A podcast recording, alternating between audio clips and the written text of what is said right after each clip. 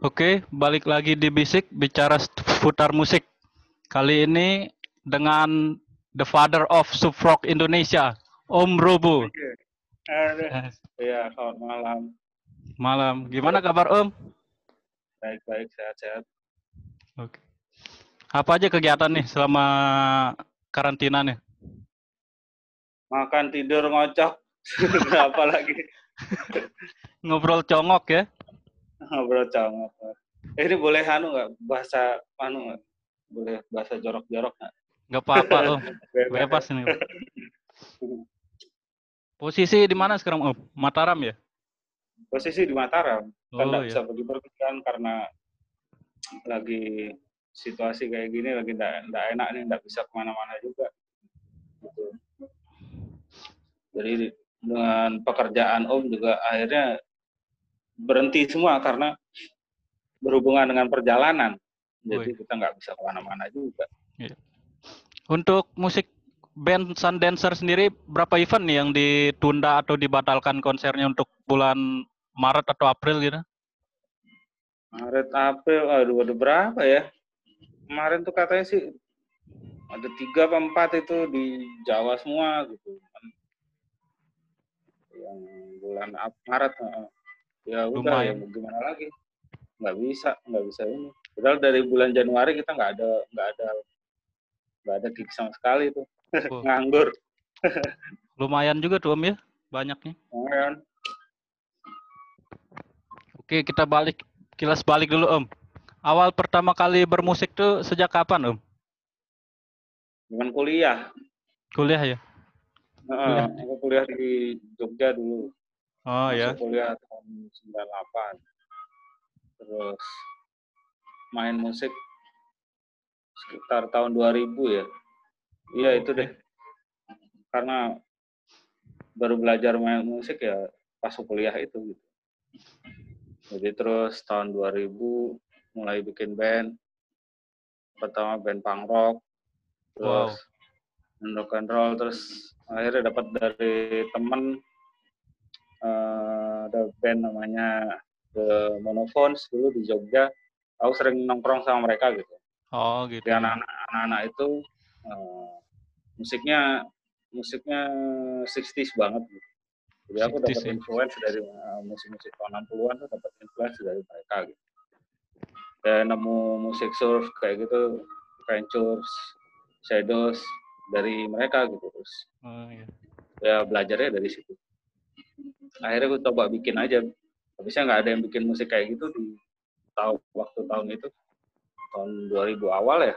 Nah, tahun 2000 lah. Surf rock tuh ya Om ya? Ah, yang yang band yang dulu tuh, si Southern Beast Terror. Oh, Ya, gitu. akhirnya terus kata orang-orang itu band surf rock Indonesia yang pertama gitu. Wow. Keren ya. orang-orang itu gitu. Ya enggak juga kalau keren sih enggak, om kita juga enggak pernah main.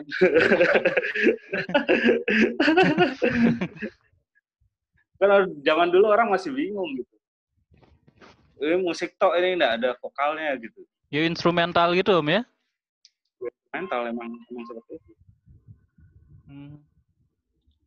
Jadi Southern Beach Terror ini teman kuliah atau teman nongkrong gitu Om? Nongkrong. Ah, Oh. Kuliah aku enggak pernah di kampus. Nongkrongnya di luar terus.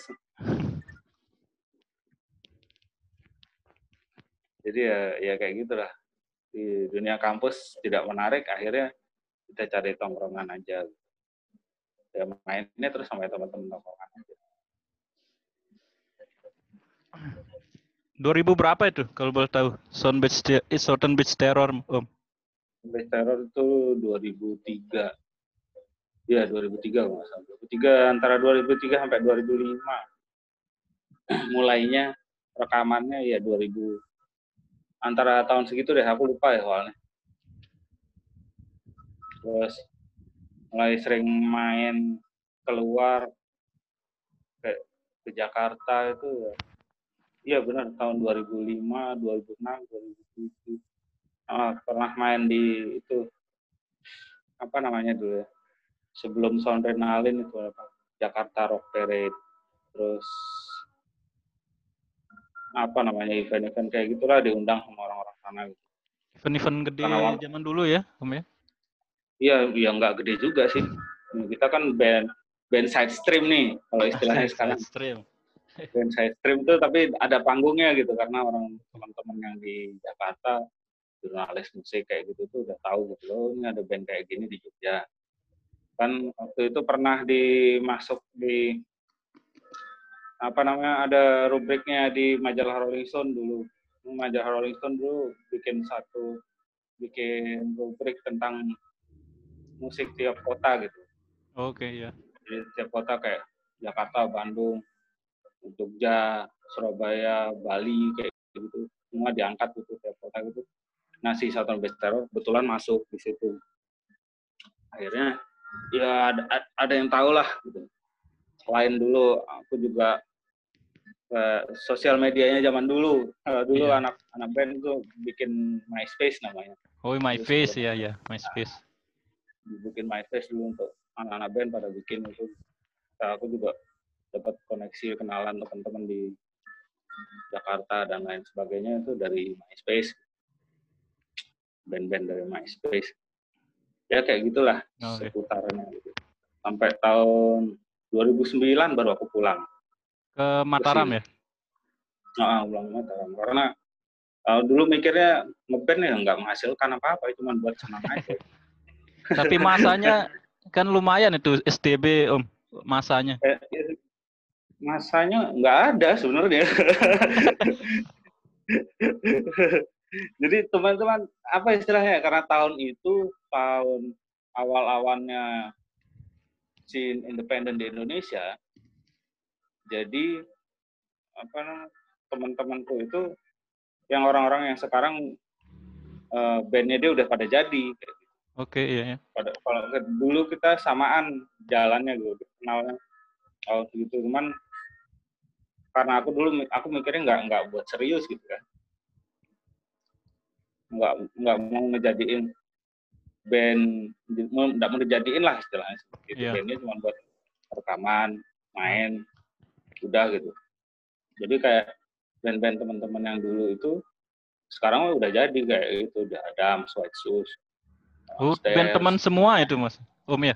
ya kenal ya maksudnya karena mereka juga pernah main ke Jogja dan ah, aku sama teman-temanku dulu yang me- istilahnya kalau ada band yang lagi tour ke Jogja gitu nah, teman-temanku yang bikinin ininya apa namanya acaranya gitu Oh, gitu ya.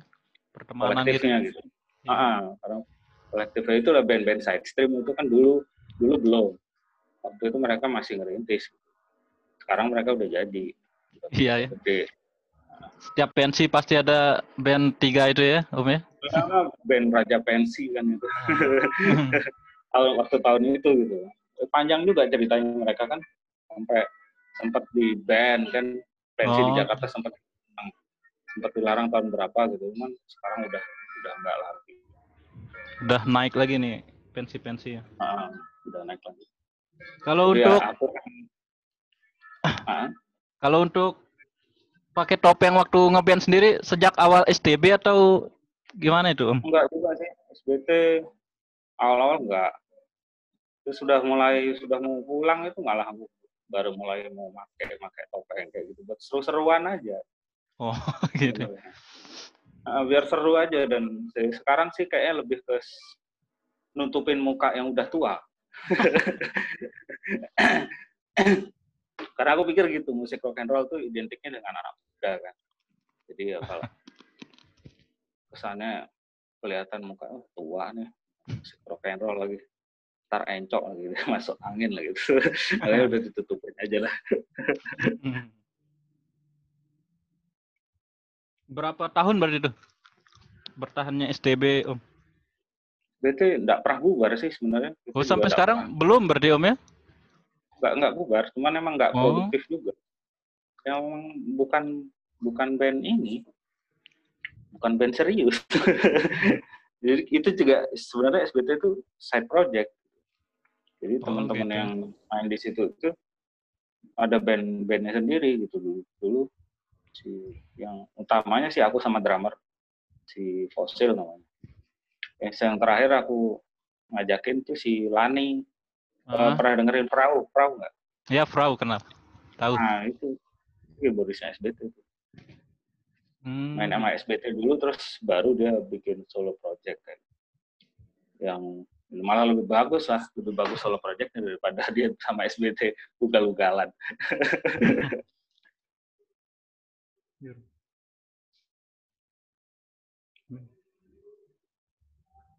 Sempat main di Synchronize juga Om ya? STB waktu tahun berapa itu? Itu dua tahun yang lalu. Dua tahun yang lalu ya? Eh, iya 2018. Hmm. 2018 SBT, 2019 di Sundancer. Uh, Oh. Lumayan rame terlihat tadi videonya Om.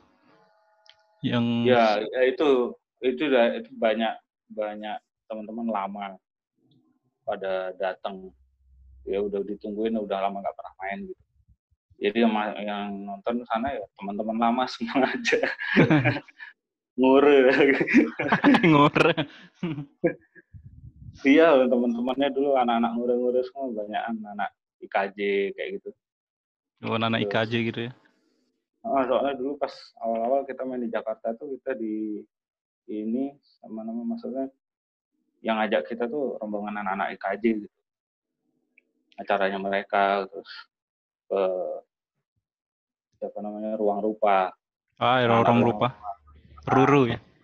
Nah, nah, kalau main di Jakarta kita nginepnya di Ruru udah tuh. Dua eh dua kali bener main di Jakarta yang nginep di Ruru. Udah ya udah kayak gitulah. Balik kan ke Mataram tadi 2009 Om ya? Heeh. Nah, terus Sundancer kan 2017 Om ya atau berapa itu? Iya 2018 lah 2018. 2018 ya. Nah, dari 20 2009 ke 2018 tuh ada proyekan lain nggak Om? Band musik? Enggak, kalau yang serius sih nggak ada sih. Nggak ada ya? Pengen waktu itu aku lagi nggak pengen gitu. Ya memang fokus buat eh, punya penghasilan aja, kerja Hmm. aja. Nggak pengen. Jadi baru tahun 2018 itu baru eh, nyoba ah udah lama ini nggak pernah bikin band gitu. Cuman aku udah kenal, maksudnya kenal sama anak-anak di sini tahun berapa waktu itu? Dia sekitar 2009 2010 kalau nggak salah. Waktu itu ada band temanku dari Jogja diundang main di sini. Kaget juga kan bandnya temanku. Kok ada yang tahu gitu loh anak-anak Mataram. Terus ya udah datang, dia datang tuh akhirnya di- aku dikenalin sama anak-anak itu gitu. Oh ini tongkrong Mataram. Aku baru tahu. Kayak gitu lah. Aku juga nggak pernah nongkrong juga masalahnya di, di Mataram. Jadi ya nggak nggak terlalu kenal deket sih. Tahu-tahu aja gitu. Mana Mataram. Nggak nongkrong di SK Om ya? Apa itu? Sangkaryang. Terus sekarang iya paling eh, udah punya anak itu terus sering main ke sana. Terus tadi Om tak kemarin-kemarinan lah. Tak searching di Google kan Om ya? Di Lombok gitu ada nama resort, ada Sundancer-nya gitu. Apakah nama Iya. Sundancer itu terinspirasi dari resort itu? Sebenarnya kalau terinspirasi, ya enggak juga sih. Kan waktu Atau itu emang ngambil pengen dari itu? bikin, pengen, pengen bikin nama yang nama band yang kesannya sedikit cool eh, dan masih berbau tropis lah karena kita kan dari Lombok. Iya. Jadi kan ceritanya nih aku nge- pengen bikin band ini mau tak seriusin. Ah ya. Soalnya aku dulu kan sama teman-temanku kan ngurusin backstage kayak gitu-gitu. Iya. produksi musik gitu. Jadi aku ngurusin backstage gitu kan. Tapi aku nggak ngurusin bandku yang dulu gitu, jadi nggak serius. Nah sekarang tuh aku pengen nyobain gitu. Bisa nggak sih aku bikin itu? Gitu. Kalau aku udah tahu step by step jalan-jalannya itu jalannya kayak gimana kalau kamu produksi band, bikin ngejadiin lah istilahnya seperti itu. Hmm. Nah ini sekarang aku bikin seperti itu gitu. Jadi cari nama, menyesuaikan dengan dari mana kita datang, bikin musik yang yang yang nggak ada ininya lah. Apa namanya nggak ada kembarannya gitu. Biar Oh, iya. biar langsung stand out band itu kamu datang dari Lombok band wah musiknya menarik nih gitu. Kalau aku bikin band popang lagi tak pasarin ke Jawa di sana ada ribuan band popang yang musiknya sama semua gitu. Gimana kamu mau ber ber apa istilahnya. Ngadu ilmu kan. Iya, iya. saingannya banyak sedangkan gue dari Lombok. Nah setelah bikin itu dan pergi tour dan segala macam akhirnya ya tahu karena demografis itu eh, pengaruh gitu. Kita di Lombok sama teman-teman yang di Jawa itu eh, kita kalau mau jadi di sana usahanya harus benar-benar maksimal Oke. iya. Kalau untuk inspirasi musik dari Sundancer sendiri, Om? aku Kan- masih dengerin yang dari dulu gitu dari zaman Oh, SD sama aku ya? masih masih dengerin musik yang seperti itu gitu musik tahun 60 Amerika Inggris sama aja masih sama gitu. Masih sama ya? Dengan yang dulu. Aku aku udah nggak pernah dengerin musik baru lagi setelah aku baru dengerin musik baru itu tahun 2018 kayaknya apalagi musik Indonesia yang baru-baru ya 2018 2019 aku baru dengerin lagi gitu Oh, istilahnya aku mau turun gunung nih jadi Iya. apa- harus tahu medannya dulu kan oh dengerin oh ini musiknya anak-anak sekarang kayak gini kayak gini. jadi biar tahu biar tahu selahnya kamu mau memasarkan produkmu itu kayak gimana kayak harus cari tahu ininya lah jalannya lah seperti itulah oh, gitu. Terus di Sundancer sendiri kenapa project ini duo, Om? dulu eh, tadinya cuman buat biar cepat jadi aja Oh, gitu. Jadi kalau ah, aku bikin semua musiknya sama si Ferdi, masuk masukin drum loop dan segala macam. Aku ngasih gitar sama bass, udah tinggal nyari vokalis aja lah yang paling gampang nih. Akhirnya kontak Deki, ya udah sering lihat Deki main kan sama Highway kan. Iya, Wah, Highway ini ya. cocok. Nah, cocok nih kayak ini. Ya udah Deki diajak buat buat bikin side project ini, dia mau. Ya udah tak jadiin tak jadiin selesai rekaman cepat cuma dua bulan ya waktu itu rekamannya udah terus langsung diproduksi aja masukin Spotify dan lain-lain terus Hmm. bikin CD Termasuk cepet gitu, Om ya? Project Ya, Sundancer cepet karena, karena kan itu aku udah tahu step by stepnya gimana caranya bikin eh kalau produksi musiknya udah ya. untuk memasarkannya lah istilahnya seperti itu aku udah tahu caranya gitu. udah tinggal kirimin press release dan sebagainya dan kebetulan aku- waktu itu aku lihat sih musik yang kayak Sundancer emang jarang ada Iya, jarang Jadi, emang.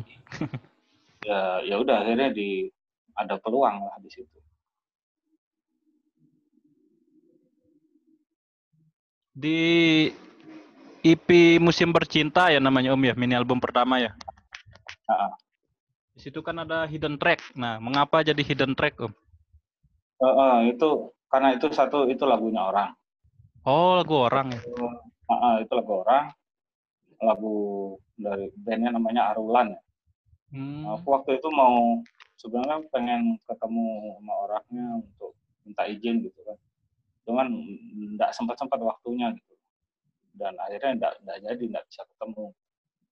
Jadi aku aku jadi hidden track aja karena aku nggak nggak minta izin buat cover lagu. Tapi walau manggung kemarin mainin juga ya Om ya? Ya sih tetap itu buat buat cooling down buat Nah, cool. jadi lagu lagu buat cooling downnya itu.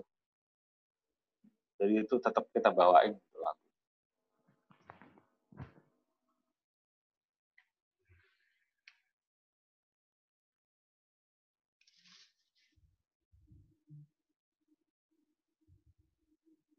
Ini apa nama podcastnya nih? Mengkar Podcast. Mengkar. Apa apa ran mengkar? Mengkar tuh bahasa Bayan Om. Bukan bahasa Bayan. Ya, saya kan asli Bayan gitu. Tapi Oh. lagi kuliah di Malang gitu loh. Oh, ini sekarang posisi di Malang. Iya, Malang. Oh, apa Hmm. apa artinya mengkar Mengkar tuh mengkarongan tuh. mengkaro? Tahu mengkarongan kan, Om?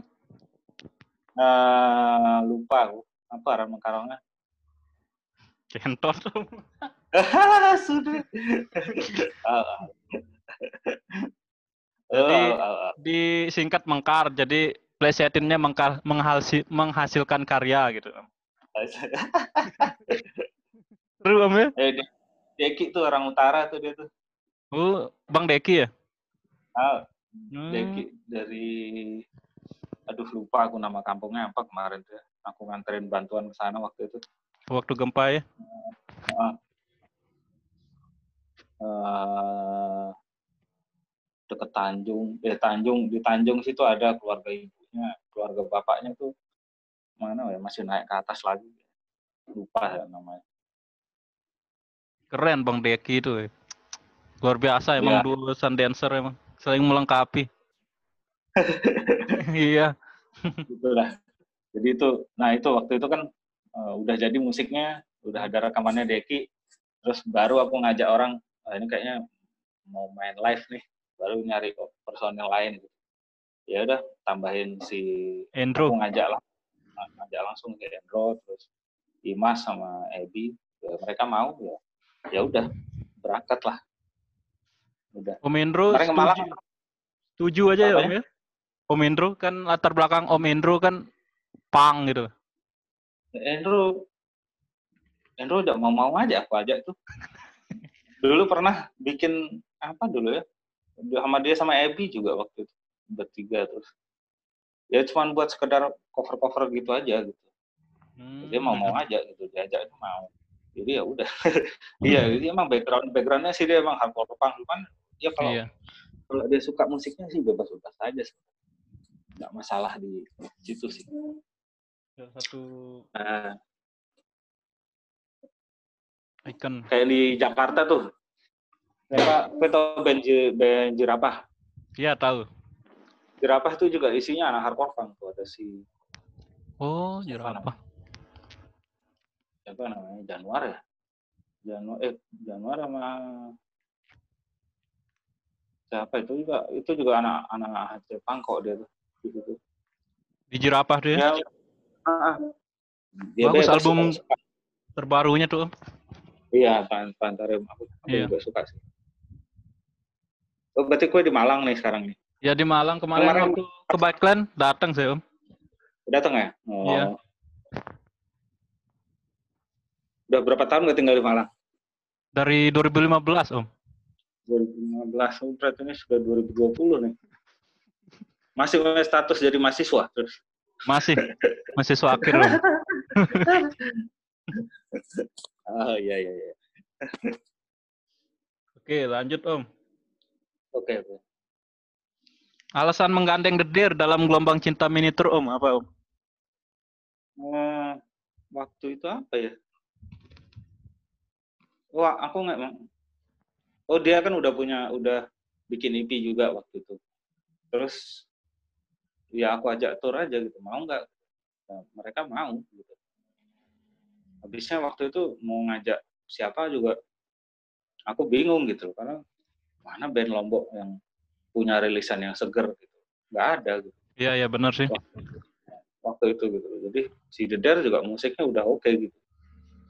Dan plusnya kan dia cewek-cewek semua tuh udah pasti Ya, lah. itu, itu plusnya. Iyalah. The Kan Deer atau lebih- The Dare. Cocok. Iya, ya de- dedare lah itu sebenarnya dedare cuma lebih biar menginggris. Nah ya alasannya sih itu dan kebetulan anak-anaknya eh, niat gitu mau untuk untuk pergi tur gitu. Jadi ya udah kita berangkat aja. Sampai ketiga itu Om ya? Miniatur dia. Ya. Heeh. itu juga pengalaman pertama sih buat buat aku juga pengalaman pertama, buat Dede juga pengalaman pertama. Ya namanya benar-benar pertama untuk ngurusin band sendiri. Setelah aku juga setelah sekian lama gitu. Jadi kayak tour kayak gitu. Dan kalau aku bilang sih zaman sekarang lebih enak. Jadi tiap kota tuh udah ada kolektif, bisa dikontak dan bisa dipercaya sih kebetulan. Kemarin Iya. tuh nggak ada masalah semua. Selama gelombang cinta mini tour, mana nih gigs yang paling wow, keren banget nih bilang gitu. Yang paling keren eh, ini penontonnya gitu. Iya. Seru gitu. Kayaknya keren yang paling seru di Jawa Tengah deh. Jawa Tengah ya. Ah, Jawa Tengah kemarin di Jogja, Solo, Magelang, Semarang. Kayaknya overall-nya di antara yang tiga, tiga dari Jawa Barat, Jawa Tengah, Jawa Timur tuh lebih kenanya sih kalau aku sih ya di Jawa di Jawa Tengah sih. Hmm, hmm, dapat oke. dapat itu. Udah kayak di Solo gitu tempatnya juga enak. Terus di Magelang itu surprise juga gitu ada anak-anak di Magelang gitu itu baru tahu juga. Aku baru tahu gitu kan di Magelang ada kolektif kayak gitu setelah sekian lama loh aku nggak pernah tahu kalau di Magelang tuh ada anak-anak yang ngadain acara kayak gitu gitu terus di Semarang Semarang keren itu, Om. Tempatnya tuh. venue-nya ah, venue-nya emang bagus gitu dan itu juga itu teman lama sih yang ininya apa namanya eh, kontakku di sana itu juga kebetulan teman lama gitu udah lama nggak pernah ketemu Hmm, gitu.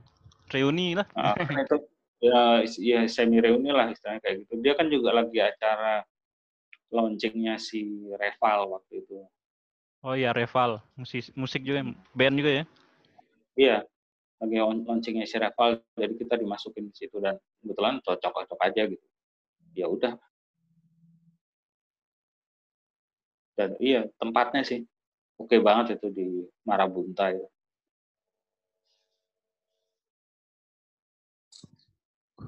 Bali terakhir Om ya.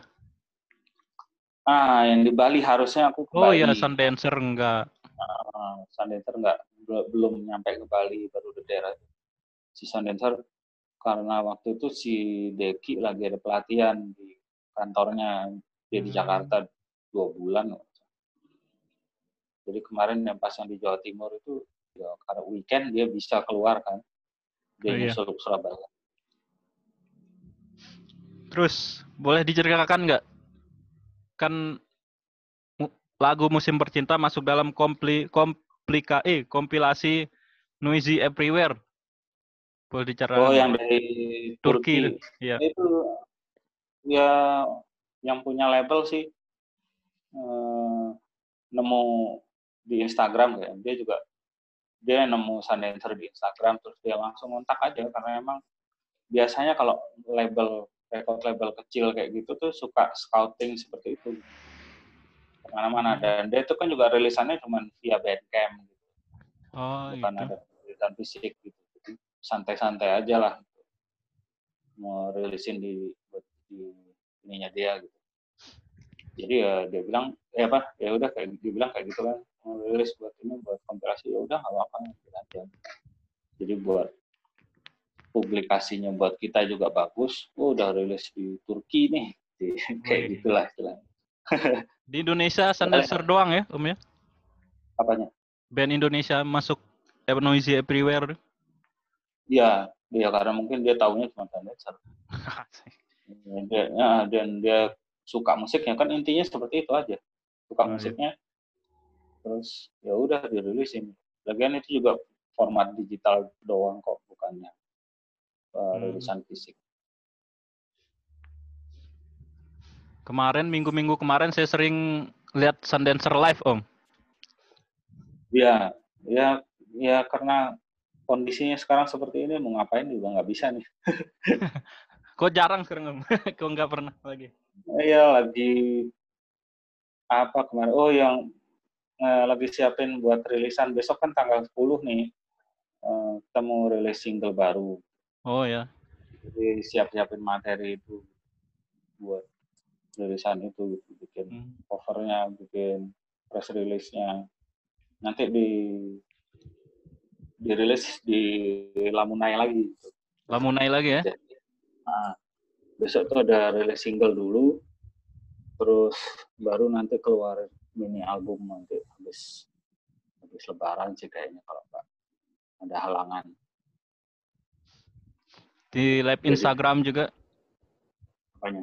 ini banyak rekomendasi atau playlist-playlist Om Robo sendiri kan, musik-musik Oh iya, puluhan gitu. Terus back banyak. behind the songnya juga banyak ilmu yang terdapat itu Om. Ya sebenarnya sih kalau ada yang mau ya tinggal minta aja. kalau aku punya waktu dan kebetulan sekarang lagi banyak waktu sih nih. Kalau mau ada yang ditanya-tanya sih langsung aja DM aja. Hmm, Kalau kayaknya sekarang sih pasti bisa dijawab karena aku nggak ada kerjaan.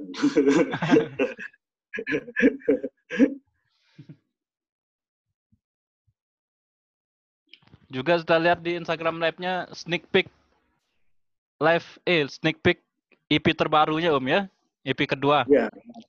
Ada berapa itu Om lagunya? nih? Totalnya ada tujuh lagu. Jadi besok eh, rencananya sih habis Lebaran mau rilis yang EP-nya. Habis lebaran. Nah, tanggal 10 ini single single dulu Single. sama nanti ada video klipnya juga tapi video klipnya setelah tanggal 10 kayak Sudah take juga Om ya, tinggal rilis doang ya video klipnya juga. iya video klip juga udah tinggal rilis aja Sedikit bocorannya untuk para penggemar Sun Dancer. Iya bocoran iya nih udah sudah hamin dua loh ini Iya ya. Kayaknya waktu tayang nih podcast kayaknya Om. waktu tayangnya pas ya Iya. oke ya nggak apa-apa lah ini lebih telat ya Iya. Di pertama tak dengar sneak peek-nya tuh di lagu pertama kan ada bangku-bangku ya Om ya. Oh ya itu lagu instrumental. Eh, judulnya Larut Malam di Bangko-Bangko. Bangku-bangku sendiri kan nama daerah di Lombok Om ya. Lombok Lombok Barat bagian selatan. Tempat itu surf spot sih itu di sana. Tempat Hmm. surfing terkenal itu. Kalau orang bule bilangnya di sana itu desert point. Desert Point ya. Heeh. Kan nggak jauh tuh dari Sundancer tuh. Villanya kan di situ tuh. Oh gitu. Oh. Nggak, tapi emang ada emang ada ceritanya sih makanya lagunya itu kan sedikit mencekam gitu karena pas beberapa tahun yang lalu ya itu eh, ada masalah dengan keamanan sih di sana Hmm. apa namanya ceritanya orang-orang kampung di sana waktu itu sempat ada sih kayak rampok gitu yang dari laut tuh bawa kapal gitu. Padahal ya di sana juga desa nelayan miskin juga gitu. Ngapain orang pada ngerampok? Orang-orang sama-sama nggak punya uangnya. Iya. jadi ya gitu lah jadi karena lagunya sedikit mencekam aku ambil itu aja lah kira-kira jadi ceritanya. Makanya dikasih judul itu larut malam di bangku-bangku Keren tuh musiknya tuh. Nah iya di mini album besok ini eh kalau kamu sudah dengerin musim bercinta ini benar-benar beda banget dari Iya beda banget ya. uh, musim cinta karena si tujuh lagu ini lagu yang diwarisin sama temanku Oke. dulu dari uh, ada temanku dari Jogja dulu pernah main ke Lombok terus pernah ngejam ngejam gitu jadi dia ninggalin beberapa lagu kerangka lagu lah Nah, Terus- tahun berapa itu? Om? 2013 kalau nggak salah Oh, udah lama juga. Uh, dia meninggal tuh 2015 gitu temanku itu Hmm. terus eh tak lanjutin aja maksudnya buat biar jadi kenang-kenangannya dia gitu. Hmm. Nah kebetulan aku pikir wah ini buat eksperimen aja lah. oh iya, iya. Eh, eh, eh, si lagu ini tak kembangin lagi buat dibikin macem-macem ininya apa istilahnya subgenre-nya lah istilahnya Iya. jenis musiknya gitu dibikin beraneka macam biar biar biar seru aja Berarti tujuh lagu itu semua dari almarhum ya Om? Bukan? Heeh, heeh. tujuh lagu tuh semua dalam almarhum Persembahan berarti Om ya? ya buat kenang-kenangan aja gitu kenang-kenangannya dari si temanku si bagus itu Beda proses kreatifnya sama EP yang pertama apa Om? Yang EP yang kedua ini? Ini lebih lebih banyak mikirnya sih. Karena mungkin musiknya lebih eksplorasi Om ya? Iya, lebih ke situ sih. Karena musiknya lebih eksplorasi, jadi lebih banyak mikirnya. nih. Kalau yang dulu tuh kan cuma dua bulan jadi tuh. Wih, Eh, udah gas-gas. Iya. Gas-gas sudah tuh Gas jadi. John. Eh, ini dari ini, single yang sebelum ini kan ada Pusaka Abadi tuh. Ya, Pusaka Abadi. bulan, Heeh. bulan apa itu Desember? November apa ya? Ya kebayang aja kan sampai sampai kemarin baru jadi gitu. Baru selesai itu ini Februari atau Maret. gitu. Kayaknya itu udah baru total semuanya udah selesai. Gitu. Lebih banyak eh, eksplorasi suara aja sih.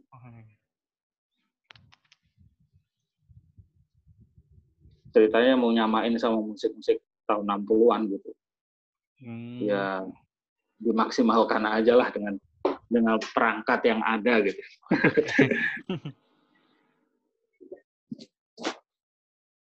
Ada pengaruh nggak dari kota sendiri dalam EP mini album kedua ini Om? Maksudnya Pengaruh mungkin pengaruh-pengaruh lingkungannya atau apa gitu menggambarkan keriuhan kota mungkin terhadap kota album ini. kota sih enggak sih overall tentang tentang masih tentang Pulau Lombok sih. Hmm. Lebih nggambarin apa istilahnya? vibe aja Oh, suasana ketika suasana ketika musim kemarau sih. Overallnya sih seperti itu sih, si album Uso ini. Jadi lebih ke suasana ketika musim kemarau. Kalau menurutku,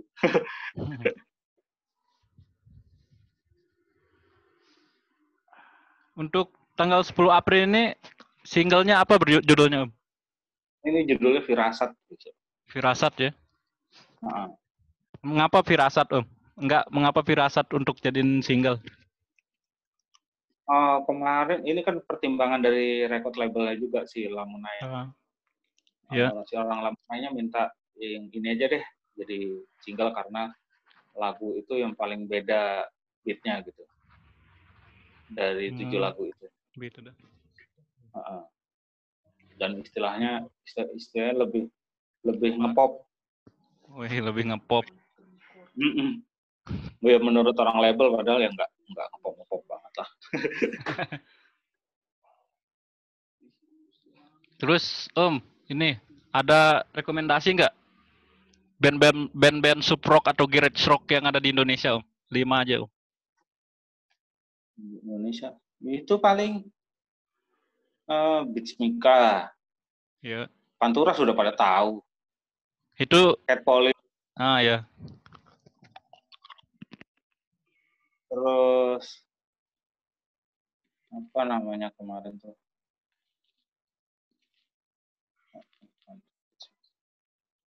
apa lagi ya kalau yang instrumental gitu Ya.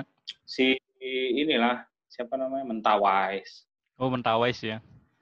nah terus yang garage lagi siapa yang bawa garage lagi ya? lupa ya aku Masih jarang banget soalnya ya Om ya. Genre ini. Nah, itu dia soalnya ya, kalau aku kan ngikutin musik ini kan dari tahun 2000 kan. Kalau dulu Iya. kan ada The Strokes tuh. Oh, The Strokes ya. Pertama ah, yang pertama ngeracunin maksudnya jadi wabah musik garage itu kan dari The Strokes tuh kalau di Iya. dunia. Nah, kalau di sana itu jalan terus kan itu genre itu. Ah. Sampai turunannya yang paling terakhir itu aku dengerin tuh namanya Black Lips, itu band dari luar. Oh ya. Nah di Indonesia tuh nggak ada yang jalan, maksudnya nggak sampai segitu. Hmm. Kalau mentok, kalau mentok itu si Cangcuters lah. Oh, Cangcuters oke ya. Paling banyak dikenal lah ya itu ya. Iya dan nggak selain Cangcuters nggak ada yang Nggak ada. musik yang bikin kayak gitu. gitu. Tapi Cangcuters kan dia mainstream kan, maksudnya untuk pilihan soundnya dia tuh udah eh, bagus lah gitu. Iya. Walaupun apa namanya songwritingnya masih sama musiknya backgroundnya musiknya tahun 50-an tahun 60-an gitu kan Ya. basicnya musik garage itu kan di situ gitu Hmm, gitu nah ya. si kalau ah, kalau di luar itu kayak abisnya The Strokes itu siapa oh, The Strokes The Hives lo pernah dengerin The Hives belum Belum, belum. The Hives itu dari Sweden dari Swedia. Oh, ya. The Hives tuh tadinya band hardcore punk. Oh, tapi terus tapi terus dia ngulik garage-nya itu dan pas waktu itu emang gara-gara The Strokes orang pada nyari produser-produser itu pada nyari band yang kayak The Strokes gitu. Di Swedia ada The Hives di Australia ada Datsuns. Datsun. Uh, Datsun tapi lebih ke 70s sih dia. Ya, di Sigit awal itu kayak kayak Datsun Terus eh, siapa lagi ya? Kalau di Amerika tuh lupa aku. Udah lama ya. Band tua 20 semua. Om, tahun ya? ya. Iya. Udah 20 tahun umurnya band itu. Ini udah 2020. Aku dengerinnya tahun 99, tahun 2099, 2000. Ya udah lama ganti lah. Orang-orang itu juga udah tua. Seumuran aku. Masih muda, Om. Masih. Iya. Masih muda jiwanya, badannya udah tua. Pikir nggak masuk angin masuk angin juga dia orang-orang Oke, terakhir Om. iya Kata-kata untuk podcast ini Om, Mengkar Podcast ini. Mengkar podcast Lebih baik, ya? agar lebih baik podcast ini gitu. oh, agar lebih baik Eh, lebih ke struktur aja sih coba dibikin lebih teratur Oh, ya? Dan lebih mengalir Iya. untuk pertanyaan dan sebagainya gitu lebih santai gitu dedek kaku-kaku gati Si anu Om, gugup Om. Nah, iya, itu dah makanya. Sebenarnya eh, gerus-gerus wah istilahnya lebih kayak gitu lah. Nggak usah malu-malu namanya ke eh, nanya ke orang kan malu bertanya sesat di jalan katanya kan. Iya. Ya kayak gitulah. Oke, sukses terus buat Om Robo dan Sundancer-nya sehat terus Om. Ya makasih. Ditunggu ini apa namanya? Mini album kedua dan single Oke. terbarunya yang akan siap. keluar 10 April mendatang, oke? Terima kasih. Oke. Makasih sama-sama.